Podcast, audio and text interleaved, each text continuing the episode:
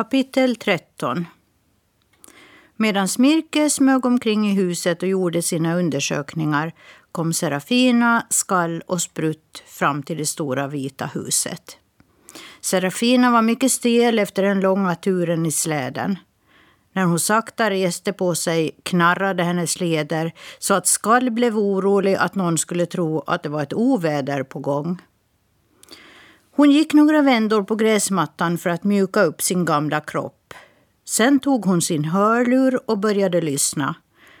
Hon hörde vatten som rann, klockor som tickade, stolar som skrapade och några som samtalade inne i huset. Hon hörde också några hästar som åt, gnäggade, pruttade och skakade på sina manar. De ljuden kom från ett hus bakom det stora vita. Hon hörde också ett par hundar som oroligt vädrade i luften inne i en stor hundgård. Naturligtvis hörde hon också den lilla bjällran på smirkesluva och hon nickade förnöjt. Jo då, han var på plats, precis som han skulle.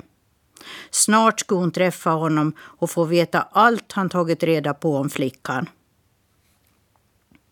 De körde in sin släde i det som var en låda. Skall begav sig genast på upptäcktsfärd.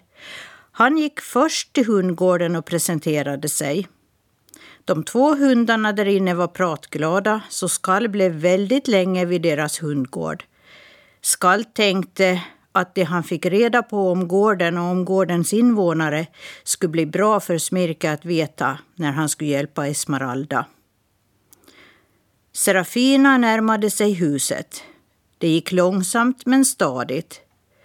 När hon kom fram var dörren stängd, men ett fönster stod öppet. Det var inte så långt upp, men det var ändå svårt för Serafina att komma upp. Efter många försök lyckades hon äntligen och kravlade sig igenom och föll med en lätt duns ner på insidan. Hon stönade av smärta. Oj, så ont det gjorde i ena benet. När hon försökte resa sig gick det inte. Benet hade brutits. Hon satt där nedanför fönstret och ångrade sig. Vad i all världen gjorde hon, gamla Nissan, här långt borta från Tomteland när hon skulle kunna vara hemma och sitta vid den sprakande brasan och berätta historier för stora och små tomtar. Nu hade hon allt ställt till det. Hur skulle hon kunna få kontakt med Smirke och få hjälp? Hörluren låg i släden, så den hade hon ingen nytta av.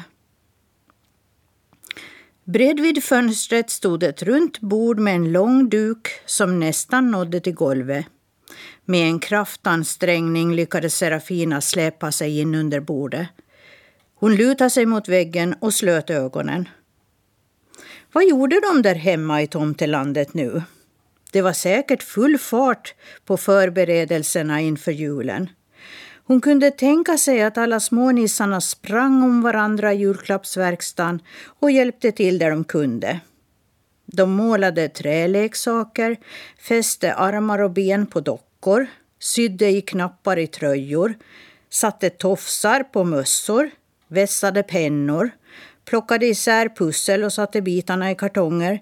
Ja, allt möjligt fanns det att göra. Det fanns nissar som stod i förpackningsavdelningen och slog in paket. Där fanns jättestora rullar med papper i pappershållare med avdragningskant. Vid varje rulle fanns en ansvarig nisse. De drog av ett lagom stort stycke papper och gav det till inslagaren. Sen stod en annan nisse och tejpade vart eftersom inslagaren vek fast pappret runt julklappen. Efter det kom en nisse med snöre och de hjälptes åt att dra snöret runt paketet och göra knut. Sen var det dags för adresslappen och sigillet. Att sätta på sigill var en av de ärofullaste arbetsuppgifterna i tomtelandet och varje år utsågs 25 noggranna och skickliga tomtar för den sysslan. Alla paketen radades upp på ett långt bord och sigilltomtarna kom med sina rullvagnar med ett stort brinnande ljus på. De tog sigillstången och höll den mot lågan tills stången började smälta. Då höll de stången ovanför paketet och droppade det röda sigillet över snörknuten. Sen tog de stämpeln och stämplade på sigillet. En annan tomte satte raskt på adresslapp och paketet skickades in i sorteringsrummet. Ja, suckade Serafina. Så går det till där hemma nu när jag sitter här och inte kan göra någonting alls.